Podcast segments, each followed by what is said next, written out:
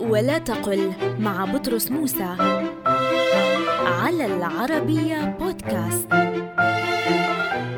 من الأخطاء الشائعة استخدام بينما في وسط الجملة.